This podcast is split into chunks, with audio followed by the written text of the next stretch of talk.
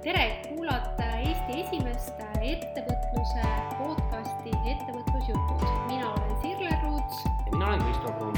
selles podcastis räägime ettevõtlusest ausalt, avatult ja läbi praktiliste näidete.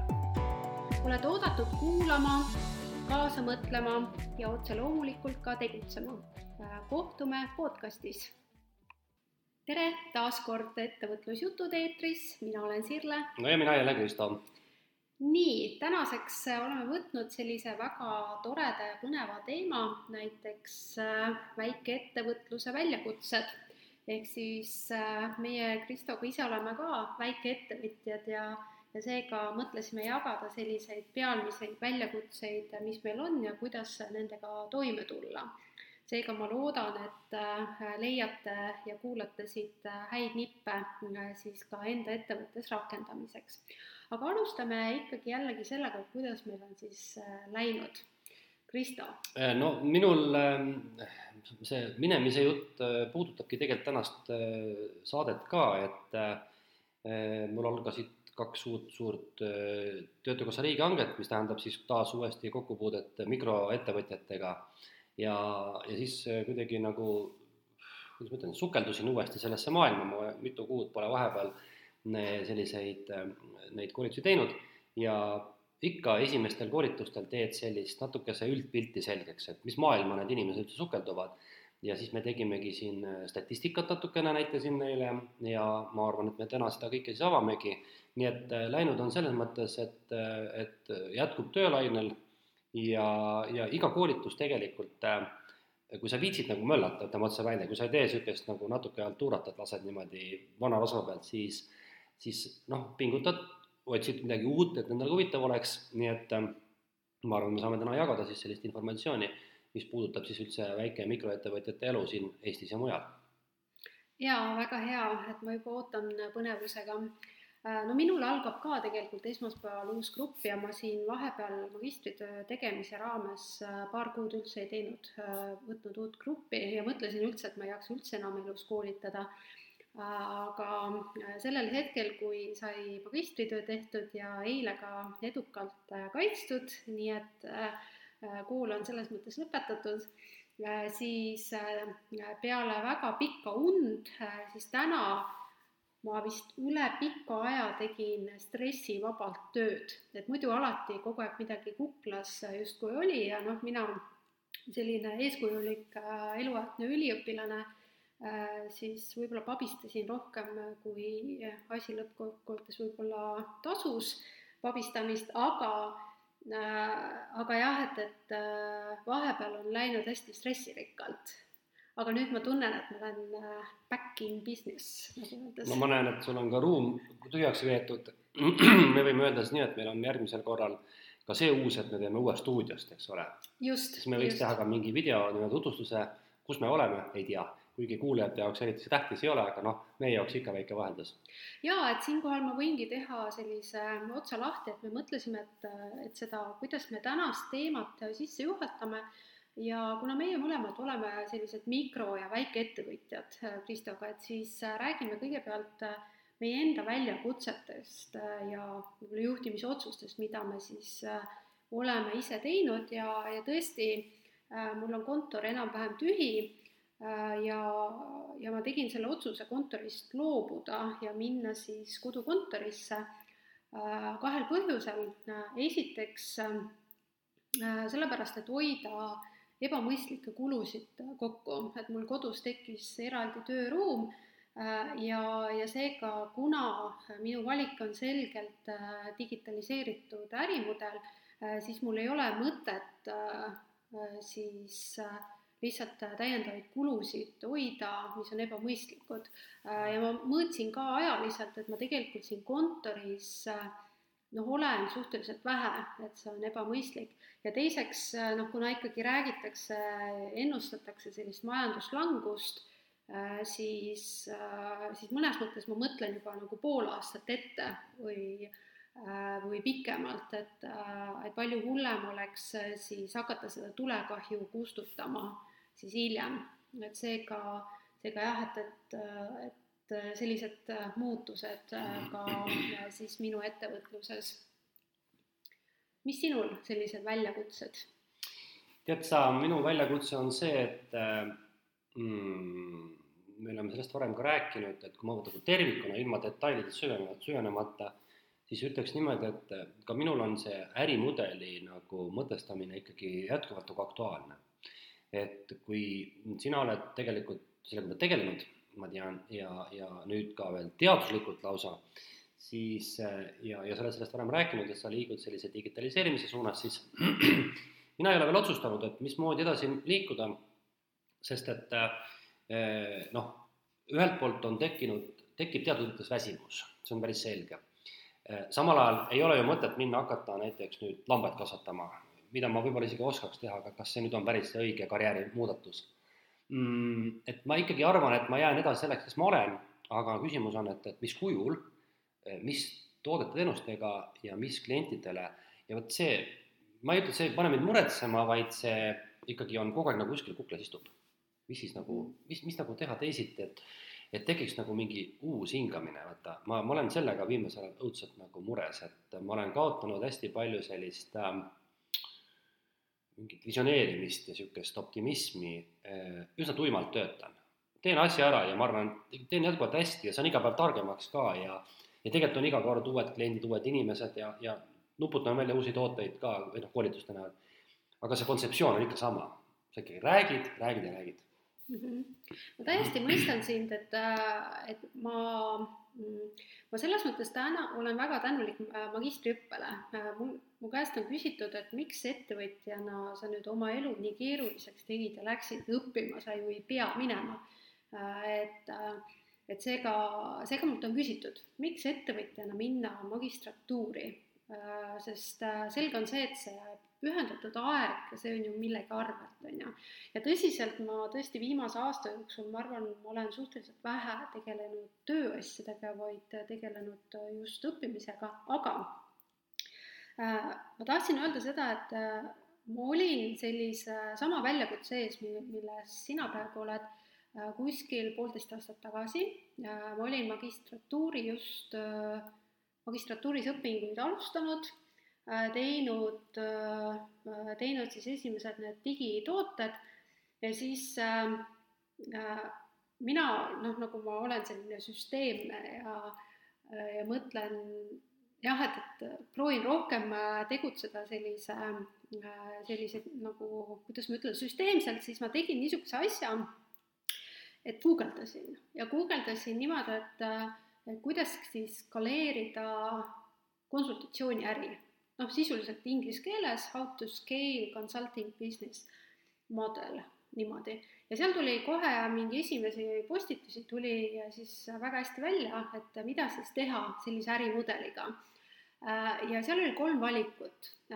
Sisuliselt, selles äris on kolm valikut, on see, et kas sa siis müüd sisuliselt osaled suurprojektides, noh, mõnes mõttes nagu on riigihange, on ju, et kus kohas sa müüd oma aega nagu massile mõnes mõttes. Siis teine on see, et sa müüd oma aega kallimalt, äh, see on siis selline ärikoolituste turg sisuliselt, on ju, aga seal on, millest sa oled rääkinud ka, et seal on see tipus on väga-väga tihe konkurents, on ju, ja kolmas on see, et sa tegelikult äh, siis läbi informatsioonitoodete siis äh, skaleerid oma äh, siis äri ja mina siis sellel hetkel otsustasin, et ma lähen äh, Äh, selle informatsioonitoodete noh, rada, on ju. aga see on olnud äh, päris väljakutsuv, äh, sellepärast et nende noh, tootmine võtab aega ja iga toode ei müü.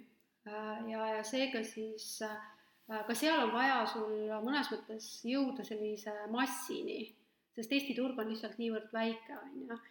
Ja noh, kui ma tänaseks podcastiks siis lugesin ka erinevaid uuringuid, siis näiteks OECD äh, SME äh, raport kaks tuhat kakskümmend kaks, äh, seal on kirjas, et mis on peamisteks väljakutseteks ettevõtetel peale Covidit.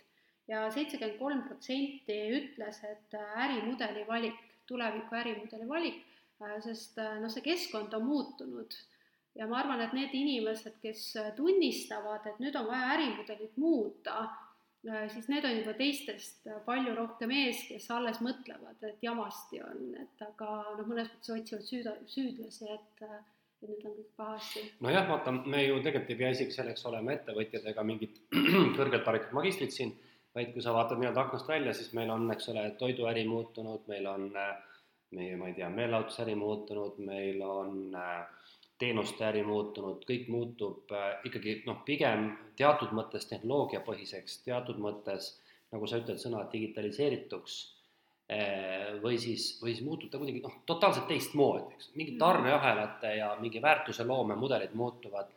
et äh, kui siiamaani tõesti tundus see areng olevat natukese nagu veel kontrollitav, et või see muutus, et siis nüüd ma kardangi seda, noh, et, et et äh, kuigi vaata, väikestel ja mikroettevõtetel on alati olnud oma roll äh, majanduses, et nad on, mina nimetan neid natuke nagu majandussanitarideks, kes aitavad teha neid töid, mida võib-olla suured ei taha teha, eks ole, või teevad liiga kallilt, siis nüüd äh, võib-olla oht, et need mikrod võivad jääda nagu ajale jalgu ja kuigi nad öö, oma kohta peaksid täitma, siis nad ei vastagi kliendi ootustele, ma kardan seda, vaata jah, sest äh, klientide ootused on muutunud äh, ja siinkohal äh, kuna mina olen hästi nende e-koolituste ja digiõppe sisse läinud, siis lisaks magistritööle ma viisin läbi uuringu siis inimeste seas ankeetküsitlusena, et kuidas siis e-koolitustesse suhtutakse.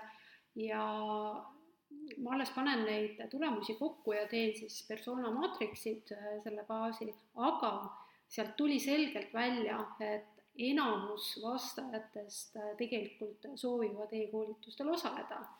Ja, ja sageli isegi eelistatakse kontaktkoolitusele e-koolitust.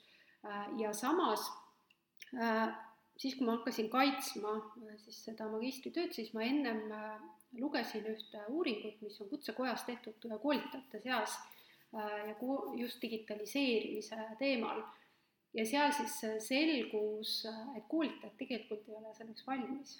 ehk siis äh, tarbijad on valmis e-õppeks, aga koolitajad tegelikult ei ole. ja ma saan nagu selles mõttes aru, sest digitaliseerimine nõuab hoopis teistsuguseid pädevusi. siin on veel teine asi ka, et, et, et meil on ettekujutus, et koolitus on ikkagi selline personaalne, vaata, eks mm -hmm. ole, kontaktil, kontaktiline toiming Äh, ma arvan, et ähm, mm, mingil hetkel tekib see olukord, kus tekivadki teatud äh, tooted, mis, mis enamasti jäävad äh, netti, need on sellised standardtooted, noh näiteks see teema, mida meie õpetame, on täiesti võimalik panna noh, kui mitte sada protsenti, siis enamuses, eks ole ju mingisse digitaalsesse vormi, nagu sinagi oled seda teinud juba. Aga kui me paneme siia nüüd vastu näiteks mentor, mentorluse või coaching'u, noh siis see ilmselt jääb noh, pigem personaalseks, eks ole, sest et äh, seal on äh, noh, see personaalne niisugune lähenemine ilmselt ikkagi täna veel domineerivam, pluss siis on see, et noh, sa juba küsid rohkem rahagi selle teenuse eest, sa tahad sellist nagu isiklikku lähenemist ja, ja võib-olla täna ikkagi ka tippjuhid noh kui nad on veebis, siis nad võib-olla ei ole nii kontsentreeritud, fokusseeritud, kui need, me nagu praegu sinuga istume siin laua taga, eks ole. Et sa selleks hetkeks paned arvuti kinni ja telefoni kõrvale ja me oleme selle tunni kaks-kolm ainult nii-öelda omavahel. et ähm, mis seal vahepeal saab, ma ei tea, noh, mingid, mingid koolitused võivad olla ilmselt nii ja naa, et ähm, kui ma vaatan enda nagu ütleme, neid äh, masskoolitusi, sa tegelikult väga hästi ütlesid ära, et kolm kontseptsiooni, et mina olen seda kahte olen kasutanud, et ma olen massi läinud ja ma olen siis hinda tõstnud. Äh, ja ma vaatan seal kõrval siis masskoolitused tegelikult hästi palju ilmselt ikkagi võiksid liikuda jah, veebi, kusjuures me oleme ühe koolituse äh, projekti teinud siin äh, ühe koolitajate pundiga nüüd niimoodi, et kui kõik läheb hästi, siis ka sügisest me stardime niimoodi, et koolitatavad teevad ennem ära veebikoolituse ja siis nad tulevad koolitusruumi kus nad kohtuvad koolitajaga konsultatsioonideks, vestlusteks. Enam ei ole niimoodi, et ma hakkan rääkima, et teate, mis asi on OÜ ja mis on raamatupidamine, vaid nad äh, peavad tõlgendama neid teemasid enda ettevõtte kontekstis ja nüüd, mis sa ütled, miks koolitajad pole valmis, see nõuab ka teistsugust professionaalsust mm. -hmm. sa ei ole see, kes loeb fakte ette, vaid sa pead olema analüütik. sa pead aru saama, et kui sina, Sirje, tuled minu juurde, räägid mulle oma mure ära, ma pean aru saama, mitte see, et Mm, vaata tulumaksuseadusest järgi, eks ole, see ei aita enam, selle eest ei maksta raha. et aga samal ajal on jälle teistmoodi, vaatame ärikoolitusi, seal on sellised juhtimise ja meeskonnade koolitused, mida noh, sada protsenti digitaliseeritav on selles mõttes keerukas, et nad ei ole standardlahendused, vaata, eks ole.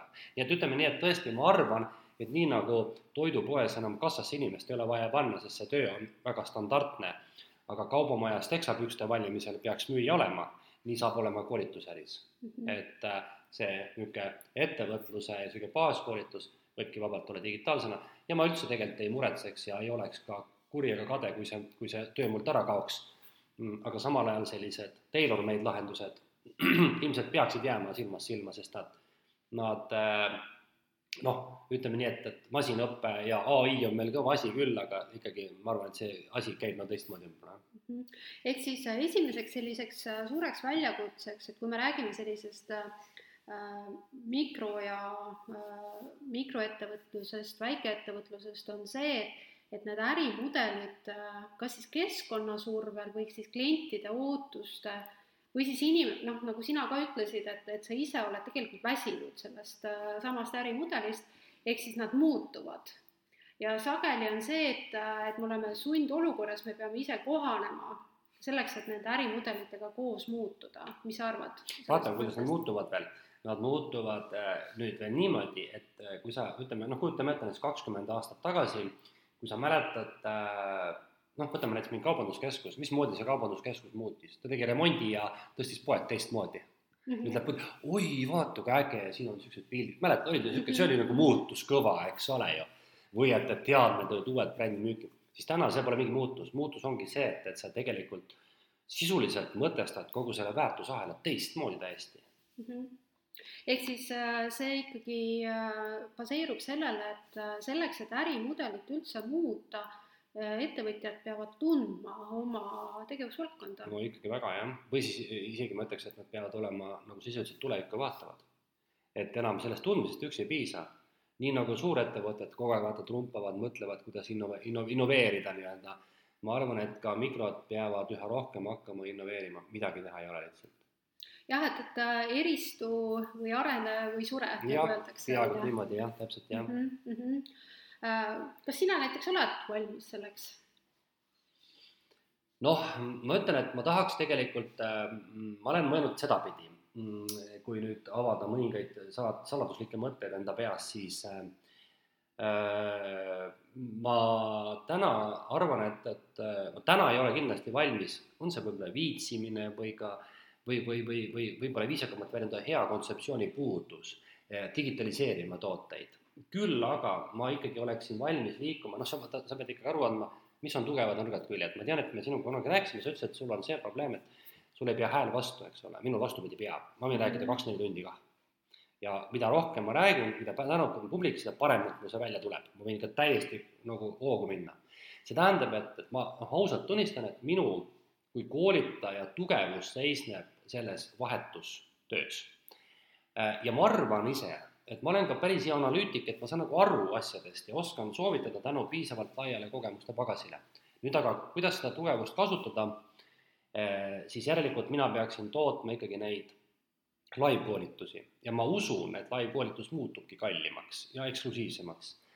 siis mul on äh, ammu peas teha natuke nagu teistsuguseid koolitusi, mõistad? mitte selline, ma tegelikult ammu olen tüdinud sellisest klassikalisest klasssaali koolitusest, kus tuleb äriettevõte, meil on mingi teema, juhtimine, meeskonnatöö, ma ei tea, mis iganes, siis me istume seal klassiruumis ja siis teeme neid samu asju, nagu on tehtud, et ma väga tahaks nagu, mul on mõned mõtted ja ma olen ka rakendanud mõningaid koolitusi ja on õnnestunud ka teha selliseid noh, ma ei tee päris sellist, et me läheme nüüd kanumatkale ja teeme seal midagi pulli, vaid, vaid panna kokku nagu selline korraks nagu klassiruumi ja siis jälle kuskile mujale midagi teha, eks see on siis nagu selline tegutsemine, mõtestamine, koostöö ja ka mõtlemine nagu segamini. et ma arvan, et minu nii-öelda see, see muutus ja ma olen valmis selleks muutuseks, liiguks sinna suunda. Väga huvitav, sellepärast et tegelikult sa räägid praegu teenuse disainist, et sa oled nagu mõnes mõttes ise ettevõtjana selles etapis et hakata oma teenust äh, disainima, et äh, noh, miks see kohe minul ära nii-öelda klikkis, on see, et ma tegin juba magistritöö teenuse disaini äh, teemal ja me juba ennem ka arutasime, et me järgmise podcast'i räägime sellest täpsemalt just, räägime jah. täpsemalt, jah. ehk siis ähm, ehk siis võttes nagu selle teema kokku, et siis selliseks esimeseks väljakutseks ikkagi on see muutuvas keskkonnas ärimudeli valik ja selle arendamine ja ma olen nõus hästi sellega, et see on ebamugav. et see on ääretult ebamugav ja, ja kui ma ennem lugesin neid raporteid, et näiteks konkurentsivõime raportis kaks tuhat kakskümmend Eesti kohta äh, toodi üheks selliseks äh, ettevõtete ja Eesti nõrkuseks kohanemisvõimet, et madalat kohanemisvõimet äh, ja aeglast reageerimist nagu keskkonnaohtudele. ehk siis äh, ehk siis see on tegelikult päris, päris oluline teema, millega tuleks tegeleda, tegeleda no,. seda toetab üks teine uuring, mida viib läbi TalTechi meeskond koos EBS-iga. Mm, see on siis juhtide uuring, mida nad teevad iga paari aasta tagant, nüüd ma ei ole kuulnud, kas nad viimati on teinud, aga kui see nüüd siin viimane uuring, noh, see nüüd, nüüd jääb küll aastate taha juba, tehti, siis äh, toodi välja, et Eesti juhid on samamoodi, nad ei soovi nagu muutuda. Et, et toimub selline noh, et, et ala noh, jutt, et talupojatarkus töötab ja ärme tee asju teisiti ja stabiilsus on kõige tähtsam ja ja niisama riske ei võeta ja ei hakata laienema, ei hakata midagi muutuma, uusi tehnoloogiaid kasutusele ei võeta, uuendustele ollakse üldse nagu kuidagi tõrksalt vastu ja mis oli, mis oli veel seal äh, kontseptsiooniks, et aa ah, noh, see, et, et, et teenime iga aasta paar miljonit kasumit, see on ju okei okay et noh, see nagu toetab natukene seda uuringut ka ettevõtjad, sest ega noh, need on ju, ettevõtjad on juhid, juhid on ettevõtjad, seal on ju segamini kõik.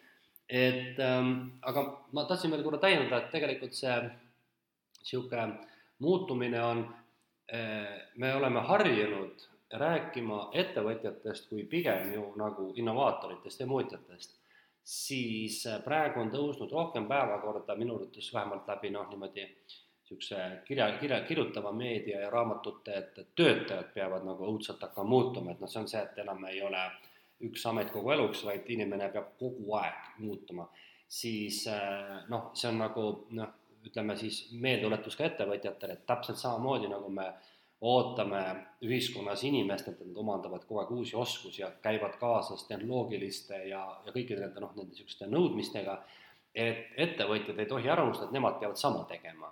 Ja, ja kui väikeettevõtjad on võib-olla tundnud ennast noh, teatud mõttes nagu kas turvaliselt, aga võib-olla natuke nagu eemale sellest innovatsioonist, sest noh, mis mina innoveerin, ma olen nii väike ettevõte ja ma siin tead, teen nii naa, siis äh, noh, ma arvan, et ikkagi noh, seda rohkem, üha rohkem tuleb teadvustada ja, ja seda näitab, näitab ka elu, et, et äh, me siin korra mainisime, vaata nendest eelmine, kui enne kui teemasid kokku leppisime, et, et et noh, ma lihtsalt äh, ise tõin näite, et sa kinnitasid ka seda, et tihtipeale ettevõtjatel on kohe lausa hirm ja selline nagu tõrksus kas või kõige lihtsamate tehnoloogiliste lahenduste ees. Ma, ma alati räägin, et noh, et, et minul kulub vahepeal pool aega koolitustel, et Excelit õpetada inimestele, kas või kõige lihtsamal kujul. kõikvõimalikud sellised ka lihtsamad tehnoloogilised platvormid on nad mingisugused tar-, tarkvaralahendused, kontoritarkvara, raamatupidamistarkvara, mingisugused ütleme, pilvetehnoloogiad, need tunduvad kohati vägagi nagu, nagu võõrad ja, ja koledad asjad, et ärme neid kasuta. samal ajal Facebookis käib inimene nii, et kõrvade peal paneb chat, chatib, mina vastupidi, võib-olla ei teagi neid Facebooki funktsioone. aga et noh, et, et tasub mõelda, et noh, et, et, et kuidas see tehnoloogia aitab, mitte ainult ei aita, vaid kuidas nagu rakendada see oma firma emakus, eks ole jah, sest äh, needsamad uuringud, millest ma täna olen siin öelnud või rääkinud, et äh, seal ka on tegelikult toodud välja, et Eesti ettevõtete tootlikkus on madal. Et äh, see on niisugune igipõline probleem kogu aeg, et, et toot-, noh, et, et me oleme sellises miinimumrežiimil töötavad, on ju, et noh, et, et et kätte midagi väga ei jää, aga seesama OECD teeraport, et seal ka küsiti tegelikult ettevõtjate käest, et mis on siis nende, kuidas nad näevad nagu oma tulevikku, et millistele tegevustele kõige rohkem aega läheb, et siis kaheksakümmend protsenti vastanutest just ütlesid digitaliseerimise teema, ehk siis töökohtade digitaliseerimine e, e-kaubandus, pilvelahendused, ja ma olen siin nagu väga nõus, et et ma arvan, et kui ma mõtlen, noh näiteks ise ettevõtjana teen oma SWOT analüüsi, äh, mis on minu tugevused, nõrkused, ohud, võimalused äh, ja panen sinna kõrvale selle ärimudeli, äh, mida ma siis tänasel hetkel tahan siis rakendada, siis ma arvan, et ma olen nagu keskmiselt noh, nutikam digilahenduse kasutaja, aga ma arvan, et, et ma sellest potentsiaalist ikkagi väga vähe kasutan ära, ehk siis selleks, et seda ärimudelit äh, ellu viia, siis äh, esimene samm on see, et ma tegelikult õpin ise selle selgeks ja mis noh, et mul oleks see uudishimu selle kohta, et, et kuidas seda siis teha, on ju no vaata, eh, siin on nagu niisugune hea võrdlus tuua, et, et ma, ma isegi arvan niimoodi, et, et osa inimesi võib-olla pigem hindab üle ennast. Eh, ja miks ma niimoodi arvan, on see, et, et noh, kui ma vaatan näiteks inimesi enda ümber, siis ma tunnistan ausalt, et milles ma kindlasti ei ole kõige parem, kuigi jällegi ma arvan, et kõvasti üle keskmise, on näiteks digiturundus. Google Ads, Facebook, Instagram ja muud sellised tilulilud. Ma näen, kuidas inimesed nagu sellesse panustavad tohutult. ja samal ajal nagu mingeid teisi asju nagu ütleme noh, toome niisuguse võib-olla noh, ma ei taha kuidagi liiga teha, aga ütleme, et raamatupidamist teevad Excelis.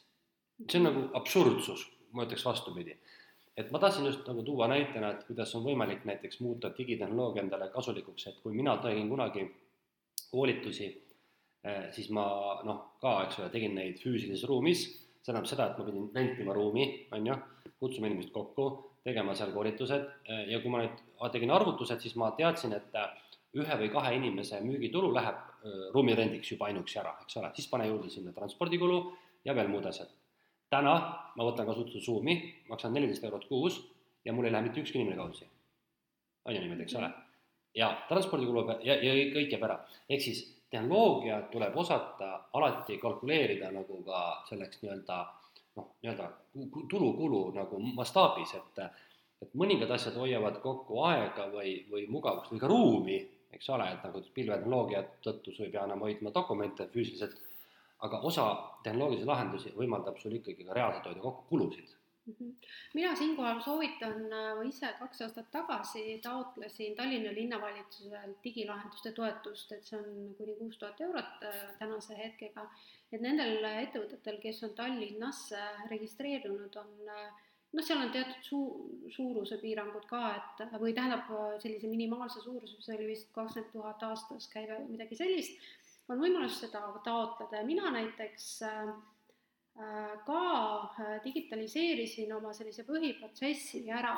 see tähendab seda, et kui, kui ennem seda digitaliseerimist oli niimoodi, et mul tuli e-poest tellimus, siis ma panin selle käsitsi Excelisse, siis ma tegin arve, arve, jah Äh, päris alguses, et seda automaatselt ei olnud, et ma nende mõnes tellimuse kinnituste alusel tegin arveid ja siis saatsin kliendile ja siis küsisin pakiautomaati ja nii edasi.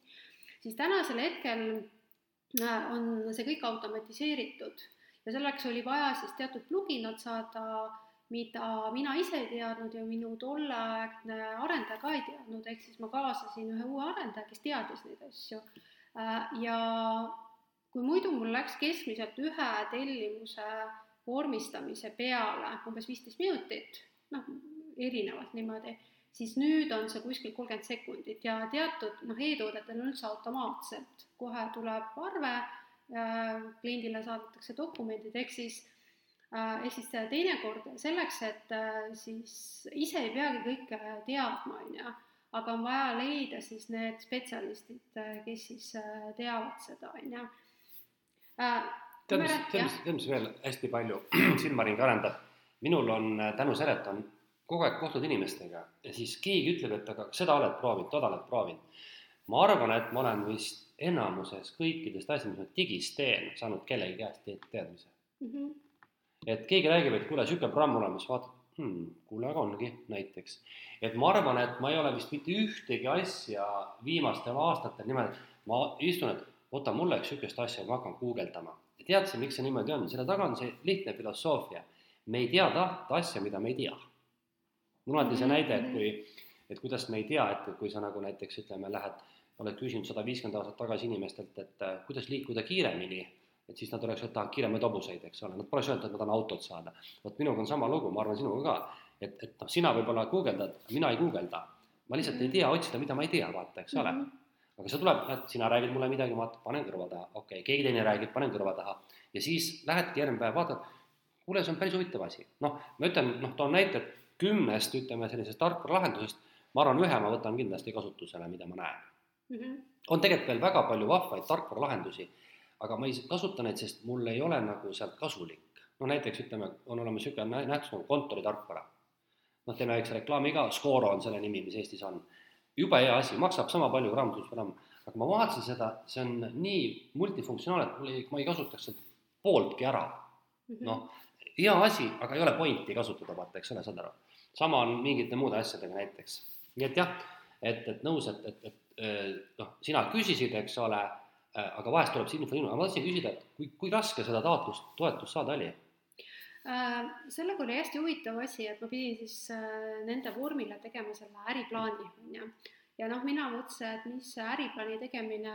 sa oled mõni, mõnisada neid teinud, jah? jah, jah, et, et, et jah, et, et mis teen siin õhtul valmis, on ju, aga tegelikult läks ikkagi umbes nädal aega. Hmm noh, mitte niimoodi hommikust õhtuni, noh, äriplaani ju koostamise käigus on see, et sa kirjutad midagi ära, siis sa nagu tunnetad seda, uurid, siis see muutub. Sageli sellisest, kui sa endale eelkõige kirjutad äriplaani, et siis sellest esimesest versioonist, vähemalt minul on küll niimoodi, lõppversioon on hoopis midagi muud. iseenesest taotlemisprotsess on väga-väga mugav mm. Nad pakuvad ka konsultatsiooni, ma käisin ka seal äh, ja, ja mis on seal kõige olulisem, mis mulle meeldib selle Tallinna linnavalitsuse või nüüd on ettevõtluskeskuse toetuse puhul, on see, et nad küsivad konkreetseid mõõdikuid. mul üks tuttav tegi ka selle taotluse ja ta jäi seal jänni, küsiti seda mõju. Äh, ehk siis äh, näiteks, et kui sa digitaliseerid oma äri ära, mis muutub selle tulemusel. Ja näiteks eile siis, kui olid magistritööde kaitsmised, siis seal ka küsiti nende esitlejate käest, et äh, mis nüüd muutub selle magistritöö tegemise käigus sinu elus, selle ettevõtte elus? Ja päris mitmed ei osanud vastata sellele. Ehk siis tehakse midagi, aga seda mõju ei osata kuidagi seostada. Ja, ja võib-olla see on ka üks väljakutse, et me oleme sageli sellises ähm, protsessis kinni aga me ei mõtle seda suurt pilti ja see tuli tegelikult välja, ma käisin üleeile teenuse disainipäeval, oli rahvusvaheline teenuse disainipäev ja siis äh, Tallinnas korraldati konverents sellel teemal ja seal siis teenusedisainerid tõid ka välja selle, et sageli ollakse hästi keskendunud protsessile, aga ei vaadata seda tervikpilti tegelikult või seda tulemust äh, nii väga ei mõtestata läbi. Et, äh, et, et noh, kui me võtame niimoodi väi-, väikeettevõtete väljakutsete äh, temaatikast või fookusest seda, et siis äh, siis ongi see, et kui sa oled ainukesena oma ettevõttes ja mina ka tunnen näiteks, et, et see on minu arengu üks takistaja, et ma teen hommikust õhtuni tööd ja ma ei jõuagi tegeleda selle innovatsiooniga -hmm,. okei. No vot, ja eks see nende toetuste koha pealt on hea teada, sest ma täna just tegin äh, ka koolitusel, tutvustasin kõikvõimalikke erinevaid toetusprojekte ja me vaatasime EAS-i kodulehte ja ma küll lasin sealt kiiresti diagnoosi üle, aga mulle jäi meelde, et seal on hästi palju äh, tehnoloogilisi projektitoetusi mm. -hmm. jah ja., igasuguseid digitaliseerimise asju on, nii et, et, et, et elu läheb sinnapoole, muuseas laiemalt öeldes, kui vaadata Euroopa Liidu, tead sa, suured struktuuritoetused, mida miljardid Eestile antakse või triljonid või jumal teab mis, seal on miljardid vist ikka, siis äh, äh, eelmine periood, see on vist nelja või viie aasta periood, ma nüüd täpselt ei tea, oli betooni rajamine siis nüüd on teenused mm. -hmm. igasugune just nimelt teenus.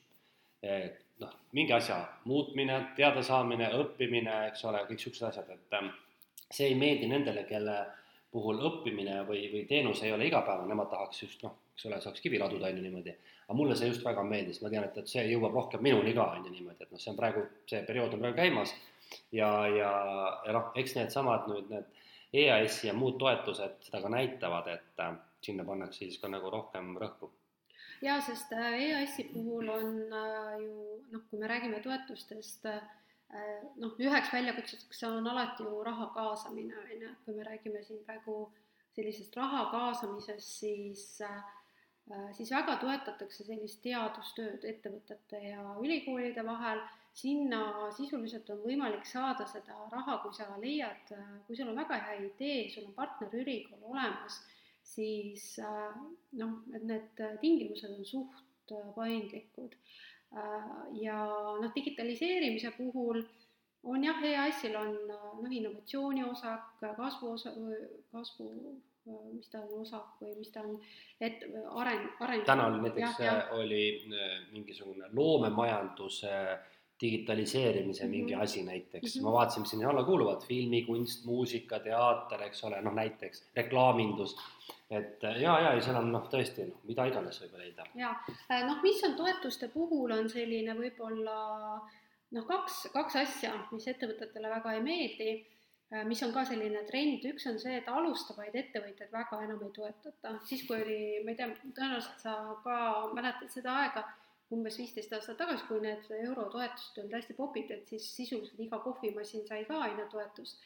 et nüüd enam seda ei ole, et sisuliselt ongi Töötukassa toetus ja väga palju midagi muud ei olegi, aga toetatakse just ettevõtete kasvu, et, äh, et see on nagu oluline, noh teine selline probleem, mida ma olen, kui ma olen rääkinud EAS-i inimestega, et ettevõtted ikkagi tahavad kogu aeg põhivara osta, aga tegelikult äh, just selleks toote-teenuse arendamiseks antakse raha.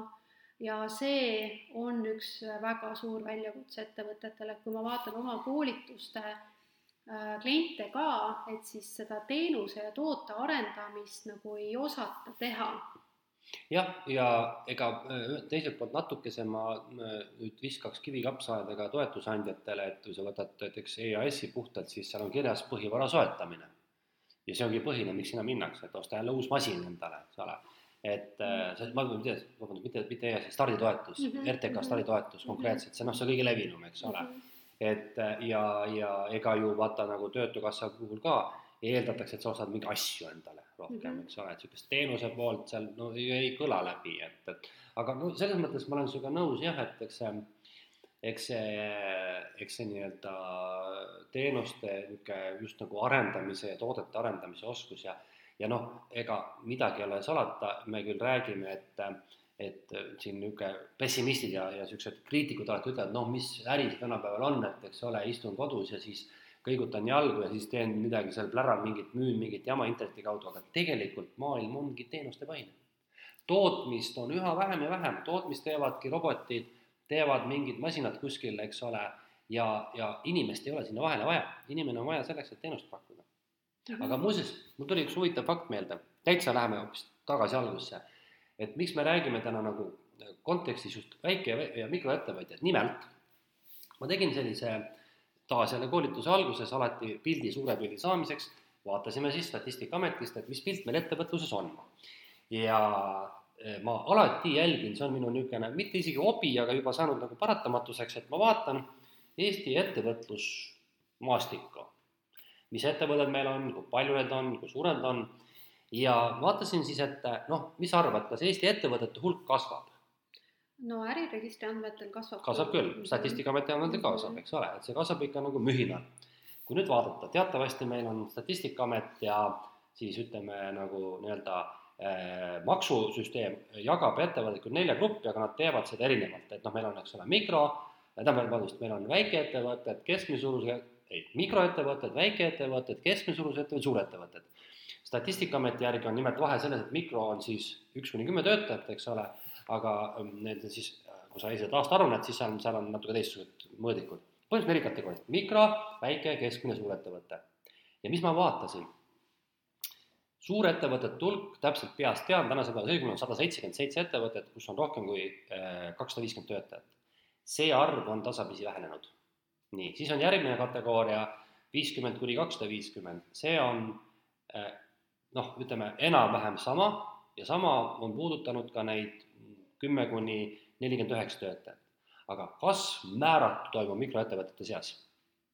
ehk siis kõik suured kas vähenevad ja ma arvan, arvan, et kust see vähenemine tulnud, et paljud suurettevõtted on Eestis lihtsalt poe kinni pannud. noh, on mingisugused suurhankijad ära läinud siit. keskmise suurusega ettevõtetel ilmselt on see liitumine ja pankrotiohud palju tugevamad mikrod tiksuvad ka siis edasi, kui midagi ei toimu, eks ole. aga kasv on toimunud mitte protsendina, vaid ütleme, kümnete tuhandete ettevõtete näol just mikrotasandil. ehk siis see on tegelikult see suund, mida ma ju selles meilis, mis inspireeris sind tänast teemat arendama, oli ka kirjas, et Euroopa Liidus pidi olema kuuskümmend miljonit iseendale tööandjat, mille käive on sama suur kui India riigi skp. ja see oli üks minu jaoks täiesti nagu šokeeriv avastus. ma olin arvanud, et noh, need väike- ja mikroettevõtjad on sellised mõttetu punt ja iseennast ka natukene sinna mõttetusse punti pannud.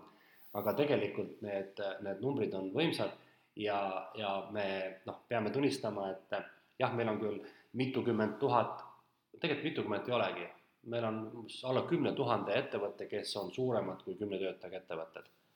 nii et noh, üheksakümmend viis protsenti on neid väikeseid ja siis ülejäänud on kõik suuremad, et et, et ühesõnaga tegelikult nagu näha on, et see kasv tükina on päris suur. aga nüüd on huvitav küsimus, mida ma ei ole vaadanud, et kas kasv on ka käibena suur, vot just seesama asi, et kas nagu ettevõtted, kas needsamad väiksed ka arenevad, selleks peaks nüüd trendi vaatama näiteks noh, näiteks viimast kümmet aastat, et siis saaks näha Eh, ja seda peaks kõrvutama veel muuhulgas ka inflatsiooniga, et näha, et kas nii-öelda nagu noh, nii-öelda nominaalne või reaalne kasv on, eks ole. nii et, et, et see on niisugune huvitav, huvitav nagu trend, mida võiks täitsa jälgida, et kas see meie jutt täna, et, et ettevõtted peavad e, e, e, ikkagi nagu arenema edasi ja, ja seda ka soositakse, kas tegelikult aset leiab mm? -hmm. Noh, ma arvan, et, et jah, ettevõtete arv Äh, muidugi see näitab sellist ettevõtlikkust. see näitab ettevõtlikkust ja,, jah. aga, aga jah, et kui palju nendest tegelikkuses äh, ellu jääb, et äh, või siis on majanduslikult aktiivsed, sest mingi aeg ma vaatasin Statistikaametist seda statistikat, seal on ju arv, nende ettevõtete arv, mis on majanduslikult aktiivsed, on ju, ja see oli oluliselt väiksem kui, kui see, mis oli äriregistris näiteks mm,? no ma, ma ei teagi, vot Statistikaametis olid üleval, noh, oli mingi sada nelikümmend seitse tuhat praegu mm. -hmm. et ju need on siis aktiivsed, jah? jaa, Statistikaamet ja, näitab jah, majanduslikke aktiivseid ettevõtteid, see tähendab seda, et neil on noh, mingi raha liikumine, aga noh, äriregistris on peaaegu kolmsada tuhat ettevõtet. jah, no seal on tõesti neid terve ports, jah. ja, ja et, ähm, et noh, et, et seega siis äh, noh, eestlased, minu arust ma tegin isegi arvutused iga viiendal eestlasel nagu selle statistika järgi on osaühing on ju, ja nüüd äh, kaks tuhat kakskümmend kolm aasta esimesest veebruarist ju muutub ka see, et et algkapitali kaks tuhat viissada eurot enam ei ole, et seda ei nõuta, et ettevõtted ise Äh, siis määravad oma algkapitali. See on nagu siis need äh, täisühingud ja usaldusühingud põhimõtteliselt, jah? jah, mm -hmm. aga mis sa arvad sellest näiteks, äh, et juhul, kui siis kapitalinõue kaob? mitte midagi ei muutu, ma arvan mm., sest et tänagi on see sümboolne juba, ma arvan, et midagi ei muutu. Need, ütleme, enamus niisuguseid teenusepakkujaid, ettevõtteid, kes alustavad üksikult, ei vajagi tegelikult mingit kapitali tihtipeale mm. -hmm kui sa vaatad, et küsid, et milleks sul raha vaja on, noh, tegelikult pole millekski, noh, arvuti on, telefon on, saan pihta hakata. Neid, kes vajavad reaalset raha, neid on vähem ja neid see kaks tuhat viissada ei päästaks niikuinii.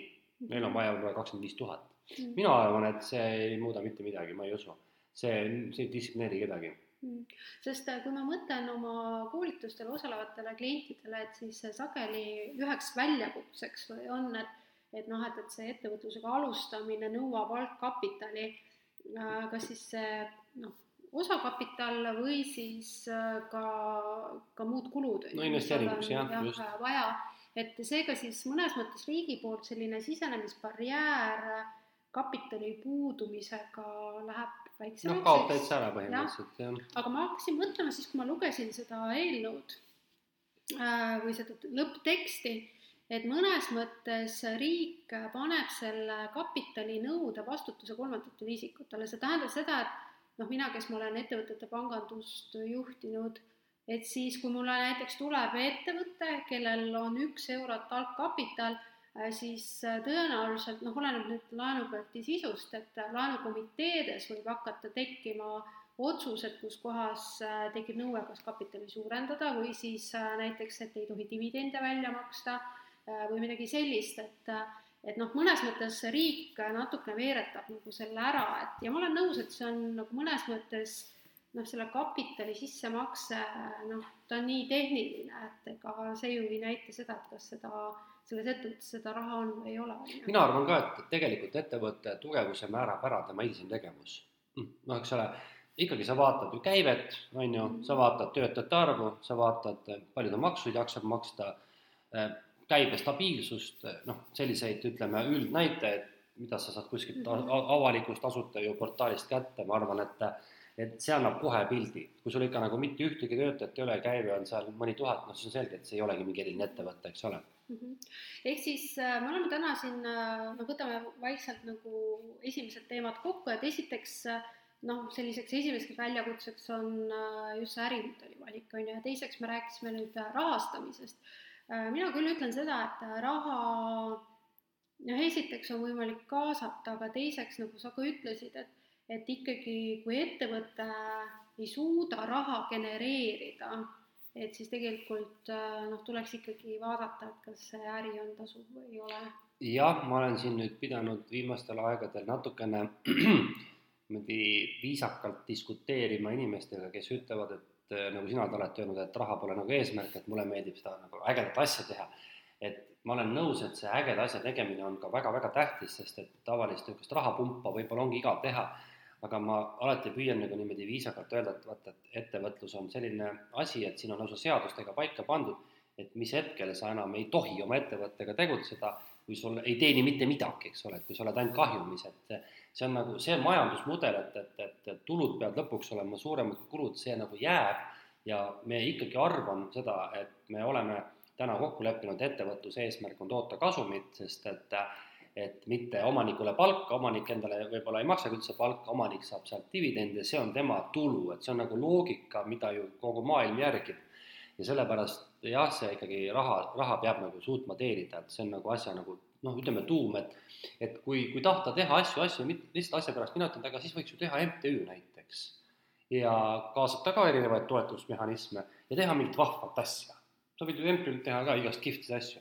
et ikkagi no see äriühingu tegemise mõte on äh, luua rahalist lisaväärtust, nüüd omaette küsimus, mis sa selle rahaga teed, see on juba enda näide, kes, äh, ma ei tea, lihtsalt äh, kulutab ära ja kes hoiab ära, aga noh, et, et see eesmärk on toota raha mm. -hmm. jah, see on nagu, ma olen selles mõttes võib-olla natuke vanamoodne, et ma nagu sellistest viisteist aastat muudkui aga sisse topitavatest rahahunnikutest, startup idest võib-olla väga, väga aru ei saa, et ma ikkagi ütleks ühel hetkel, et stopp, poisid, nüüd on vaja nagu pappi toota, et ma ei viitsi oodata enam, aitab küll. jah, sest äh, siin ma ei mäleta nüüd seda intervjuud, see oli Äripäeva raadios oli üks äh,, üks kas hommikuprogrammis või oli üks intervjuu, kus kohas siis öeldi seda, et startup maailmas on nagu need head ajad möödas, kus kohas äh, mõnes mõttes investorid muudkui andsid raha, et nüüd oodatakse, et noh, et poiss-tüdrukud, tulge, tooge nüüd ka siis rahavood on ju koju. ehk siis üheks kindlasti väljakutseks on see kasvuteema, et mõnes mõttes ettevõtjana kui ma koolitustel räägin alustavad ettevõtjad ettevõtte kasvust, siis siis teinekord küsitakse mu käest, et kas ma tõesti pean kasvama või, või et noh, et, et seda kasvu ja, ja teinekord öeldakse, et aga ma ei tahagi kasumit teenida, et ma teen kirega seda äri. noh, mina ütlen, et see on noh, ettevõtjana ja koolitajana, et kui on sellised uskumused, et siis varem või hiljem ettevõtluses nagu tuleb need roosad prillid peast ikkagi või eest ära võtta ja, ja noh, sa ei jää lihtsalt ellu. mina arvan, et ei ellu jah, ma, ma olen, ma olen ka nõus, et, et vahvat asja teha saab ka teha, teha ka raha kõrvalt, eks mm -hmm. ole, et aga et see raha teenimine noh, kõige paremini on öelnud seda Alar Tamming, et kes ütles niimoodi, et kui sa alustad ettevõtlusega, siis sa pead ainult raha peale mõtlema, kuidas ellu jääda. Ja kui sul hakkab edukalt minema, siis raha muutub paratamatuks tagajärjeks ja siis sa võid fokusseerida selle vahva asja tegemisele Mm -hmm. siis hakkab nagu äri ise pakkuma sulle väljakutset, eneseteostust. aga selleks peab sul tekkima nii stabiilne rahavoog, et sa enam ei mõtle raha peale. senikaua, kui sa mõtled, kuidas oma kulud tasa saada, see tähendab minu arvates, et sa oled veel orienteeritud raha teenimisele mm. -hmm. mina täna tunnistan ausalt, mina olen täna orienteeritud raha teenimisele, mitte veel vahva asja tegemisele, jah, täiesti aus vastus. senikaua, kui ma mõtlen, et mul ei ole veel piisavalt raha, senikaua ma teenin raha mm. -hmm no mina olen ka selline ettevõtja, kelle jaoks on kasumi teenimine hästi oluline ja tõesti, ma olen teatud projektidest loobunud, kus kohas ma näen, et see tasuvuspunkt ei tule, on ju.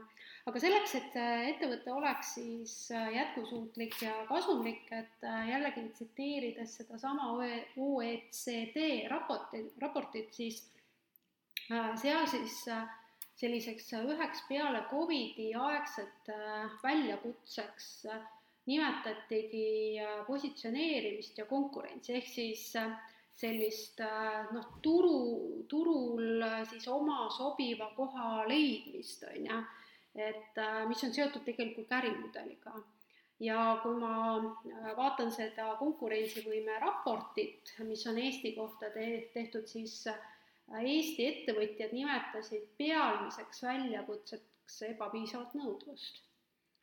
ehk siis äh, raha ju ettevõte loob läbi klientide. No vaata, see ebapiisav nõudlus, siin nüüd on kaks asja, et kas on siis tõesti turg ongi nii väike, et sinu äri sellisel kujul sellisele rühmale ei müü lihtsalt. noh, ongi lihtsalt nii tilukene. või teine asi, siis tuleb teistpidi, kas sa oled osanud äh, ikkagi ennast niimoodi positsioneerida, et sa oled äh, parem kui konkurendid ja sa suudad panna tarbijat ostma. Ega siin muud võtme, võtmeküsimust ei ole, ma arvan, et siin tuleb see ettevõtja peaks iseendast küsima.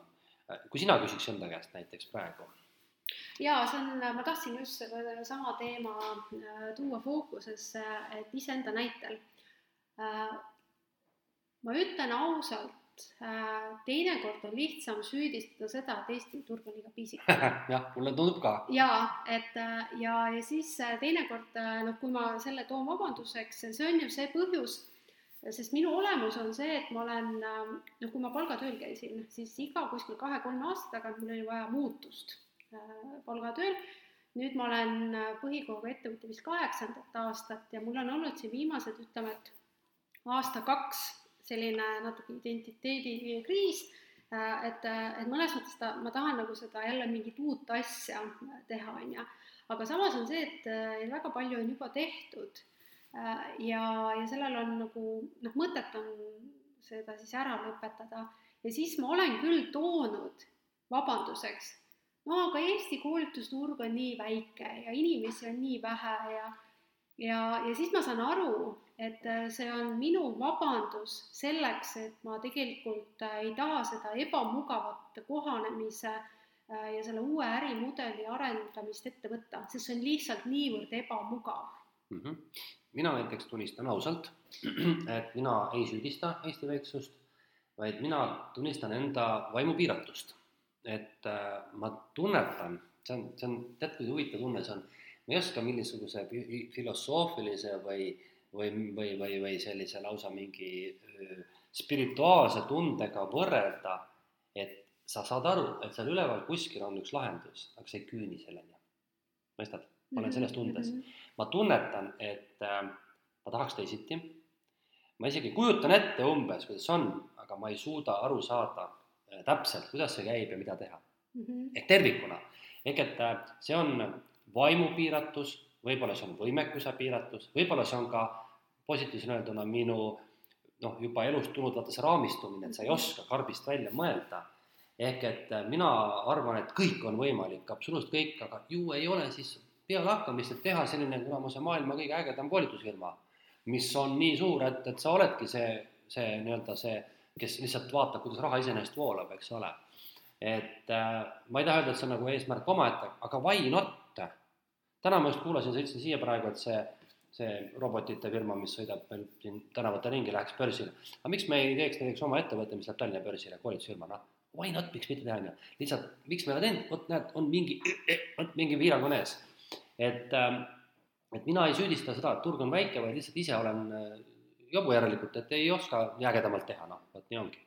no see on seotud, ma arvan, et päris, päris palju meie kuulajatest on ka seda tundnud, et et noh, et, et justkui nagu mingi noh, mingi plokk on ees. sein on ees. jah, et, et sein on ees ja. ja mina olen ka päris palju endalt küsinud, et noh, et, et mis sein see niisugune on ja, ja noh, muidugi jah, nagu ma ütlesin, et kõige lihtsam on tuua see väline põhjus on ju, aga, aga siis noh, kui ma mõtlen, vaatan ise peeglisse, mina isegi mõtlen, et kui ma võtaks ette, siis ma võiksin nagu väga, väga need asjad ära teha, aga mul on, ma olen keskastme juhina läbi põlenud ja ma arvan, et mul on see läbipõlemise kogemus niivõrd sees, et äh, jah, et hirm hakkab jah, et ja võib-olla on, võib-olla on see teistel ka, et, et seetõttu mm, noh, tulebki nagu noh, sageli enda, ennast peeglist vaadata, et mm, Mhm. -hmm. et noh, just, et need väljakutsed,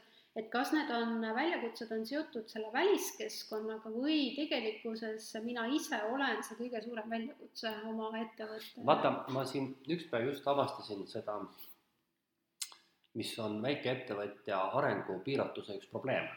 ja ma tean seda ammu juba, aga lihtsalt see tuleb aeg-ajalt uuesti minuni, nimelt mul on noh, siin ma teen, eks ole, teadaolevalt ka ettevõtetele koolitusi ja ma tegelikult äh, tahaksin hoopis ägedamat teha. aga ma ei oska nii eelmist teha. ja mul on mingid, mingid, mul on nagu mingi, mingi täpselt, ma, ma näen, milline see peaks olema, aga ma ei oska sinna minna, saad aru. kui ma oleks nüüd suures ettevõttes, mida ma teeks, ma kutsuks tiimi kokku, me teeks ajurünnaku, me analüüsiks, kutsuks, ma ei tea, kedagi veel appi, me töötaks välja selle lahenduse, mul ei ole mitte kedagi appi kutsuda. saad aru, ehk siis minu arengut piirab see, et ma olengi üksinda ja ma olen ilmselt kõik ära proovinud, mis ma üksi oskan, mul on, mul oleks vaja nagu tuge, saad aru, väljapoolt. aga ma ei saa ka ju kutsuda lihtsalt mingi, palgata mingi konsultandi, kes tuleb, annab mulle nõu, see, asjad niimoodi ei käi. see inimene peab tundma meie äri piisavalt põhjalikult, et äh, ta oskab kohe öelda, seda me oleme teinud, aga seda me pole teinud ja miks me nii või miks me naa. konsultandi palkamine minusugusele ettevõttele on üle võimete käiv jõu, eks ole, ja võib-olla see inimene annabki mingit nõu, mida, mis mul ei ole mitte midagi peale hakata. ehk vot see on see näide, igal väikeettevõttel tekib see probleem, et arenguks, kasvuks, innovatsiooniks on vaja teadmisi, mõtteid, arutelusid. aga mis sa siin üksinda aruteled, eks ole? vaatad peeglisse ja, ja räägid iseendaga, eks ole, aga see ei anna tulemust, saad aru. ainuke variant, mis annab tulemuse, on see, et püüad lugeda meeletult ja otsida internetis ja vaadata ja kuulata midagi, äkki sealt tuleb midagi, aga tegelikult ei tule, kurat. tegelikult ma olen nagu kuri selle peale.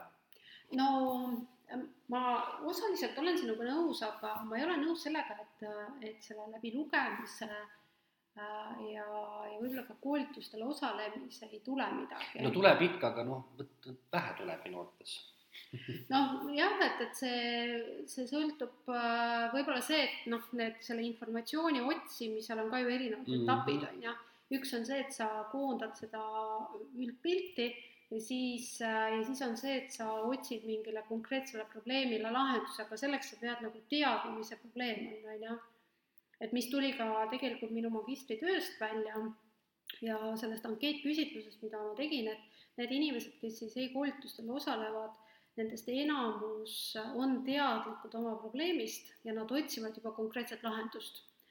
ehk siis äh, ehk siis see, see, see noh, koolitusturg äh, mingis osas kindlasti muutub ka selliseks hästi lahenduspõhiselt, et põhiseks, et noh, sellised äh, kindlasti jäävad ka sellised meelelahutuskoolitused ja see, et me saame kokku ja meil on tore olla, aga kui ma võtan sellist tüüpilist, ütleme, et e-koolituse persoonat, siis ta on keskmiselt teadlikum ja hästi ratsionaalse otsu-, otsustega. no vot, võib-olla ei ole mina siis seda probleemi enda jaoks tuvastanud, et mida ma tahaksin muuta mm. -hmm. jah, ma arvan, et see on ka see, aga veel kord jah, et, et ühesõnaga, et ma tegelikult ei taha rääkida mitte niivõrd endast, vaid lihtsalt tuua, tuua närvid, ma arvan, et paljudel ettevõtetel, kellel on, nad ei pea olema ühe mehe ettevõtted, nad võivad olla ka viie inimese ettevõtted, aga võib-olla see tiim ei ole nagu, ei suuda luua seda, seda nagu uut väärtust nii lihtsalt teatavasti me ju mingisse tööd tehes või palgatööle minnes või ka oma äri tehes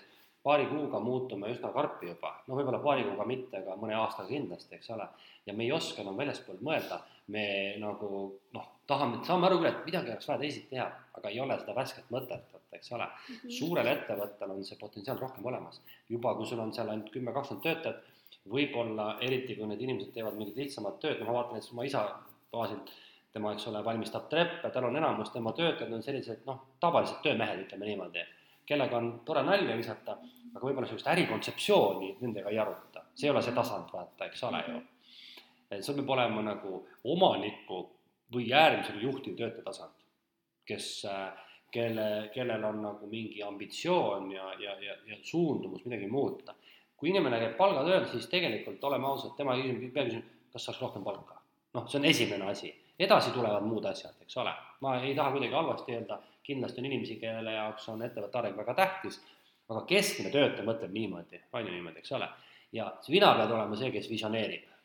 ja vot nüüd vot seesama, see nii-öelda see ärimudeli muutus, innovatsioon, millest me räägime, ma tulen väga hästi toime ettevõtte rahaliste analüüsidega ja selles ma julgen öelda, et ma olen küllaltki kõva kunn aga sellest on vähe kasu, kui ma sealt midagi järgmiseks ei tee, no loen kokku, näed, no nii ongi kõik, eks ole mm. -hmm. Nii et see on ka kindlasti üks niisugune areng, kui me räägime täna arengust, väga võtmeküsimus, et, et leida see viis, kuidas areneda ja noh, miks areneda. mulle meeldis see küsimus, mida sa ütlesid seal Tallinna Ettevõtlusametis või seal küsiti, et et mis on see mõõdetav tunnus, et see on nagu vägagi okei okay ja, ja kui sa loed nagu palju raamatuid, siis sa leiad, et tegelikult äh, ettevõtete näiteks teenuse kvaliteet ja, ja üldse ärikontseptsioon, see muutus tihtipeale saab alguse siis, kui avastatakse, et mis on tegelikult see lõpptulemus, eks ole. -hmm. et mis on see tegelik asi, mida sa tahad saavutada, mitte et mhm. eesmärk ei ole teha valmis üks äpp, see pole mingi eesmärk, eks ole, see on vahend. mis on eesmärk, noh, ma ei tea, tõesti, tõsta näiteks klienditeeninduse kvaliteeti, vähendada aega sellele minema, see on nagu see mõõdetav tulemus mm. -hmm äh,. väga huvitav arutelu on olnud ja kui võtta nüüd kokku, et äh, meil saab aeg ka kohe äh,, kohe täis, et äh, et siis äh, kas ma saan õigesti nagu aru, kui me võtame tänase vestluse kokku, et äh, et me räägime väikeettevõtluse väljakutsetest, aga selleks, et väljakutsetega toime tuleb, või toimetulek toimuks, siis esiteks meil on aru, vaja aru saada, kus kohas me tänasel hetkel oleme ja veelgi olulisem on tegelikult aru saada, kuhu me liigume. ehk siis just see, et, et, et me peame ära otsustama, mis, mil-, millises suunas me hakkame minema. mina ütleks siia ette, et et sul peab olema arusaam, et sa vajad midagi mu mhm. arengut, et kui sa ei saa aru, et sa peaksid muutuma, siis sa ei tea ka, et sa peaks muutuma mm. -hmm ja kuidas selleni jõuda, on see, et, et noh, ilmselt sa pead olema tundnud, et et kas sinu ettevõtte nagu majandustulemused ja kogu areng on vähikäiku tegemas või ka sisemiselt tunned, et sa pole rahul sellega ja siis sa hakkad mõtlema, noh, nagu rahutus alati tekitab mõtteid ja siis sa hakkad mõtlema, mida me peaks endas muutma ja vot siis tekib see küsimus jah, et kuhu ma siis peaks liikuma, eks ole mm. -hmm et me siin nüüd mitu, mitu aega sinuga siin mõtleme, kuhu liikuda, eks paistab, kas me jõuame sinna kunagi kohale ka. me ei jõua kunagi kohale, see on selge, ettevõtlus ei jõua kunagi kohale, aga et, et jõuda nagu uuele teele, vot see oleks ka juba vägev asi, eks ole mm. -hmm. jaa, ehk siis äh, kui võtta niimoodi kokku enda poolt soovitused, et siis ma alustan ja siis äh, saan ka soovitused äh, meie kuulajatele, mida siis teha väljakutsetega, siis mina soovitan esiteks äh, seda, mida mina tegin guugelda, pane ingliskeelset äh, Google'isse how to scale, noh, ja oma äri nimi, on ju. Äh, või siis how to scale oma äri nimi, noh, see valdkond ja business model midagi niisugust. ja loe, mis sealt tuleb. ehk siis äh, sellega saab nagu mingi suuna kätte ja, ja siis tuleb vaadata, et äh, kas need suunad või millised need minu jaoks on okeid ja, ja teiseks äh, kindlasti, et selleks, et, äh, et üldse nagu tulla sellega toime, et noh, et kui teha see otsus ära, et jah, et, et et mul on nüüd väljakutsed ja ma pean nendega toime tulema, et siis, siis noh, tuleks nagu see uudishimu endas, endas siis noh, kas tekitada ja sellest, sellest noh, olukorrast välja minna siis puhta sellise tahtejõuga, et ja miks ma seda niimoodi siin toon, mina nüüd otsustasin oma magistritöö tegemise kogemuse üle tuua selle ettevõtlusesse. see tähendab seda, et see, kuidas ma seda magistritööd tegin niivõrd tugeva distsipliiniga äh, ja, ja tegin seda väga edukalt, Äh, siis äh, nüüd äh, ma toon selle üle sellesse oma ärisse. ehk siis see distsipliin oli päris karm, et oli nädalaid, kus kohas ei trennile, ei sõpradele, ei noh, kõik meelelahutus nulli, ennem kui ma jõuan selle tulemuseni, on ju. ehk siis see võib olla küll hästi äärmuslik, aga see on minu arust noh, see kogemus mind tõi välja sellest mugavustsoonist ehk siis ma kindlasti katsetan seda ja inspireerituna siis muidugi meie eelmisest korrast, et siis noh, persooni brändi muidugi loomine on ka väga fookuses raske, aga on. jah, ma nägin mõnda postitust isegi.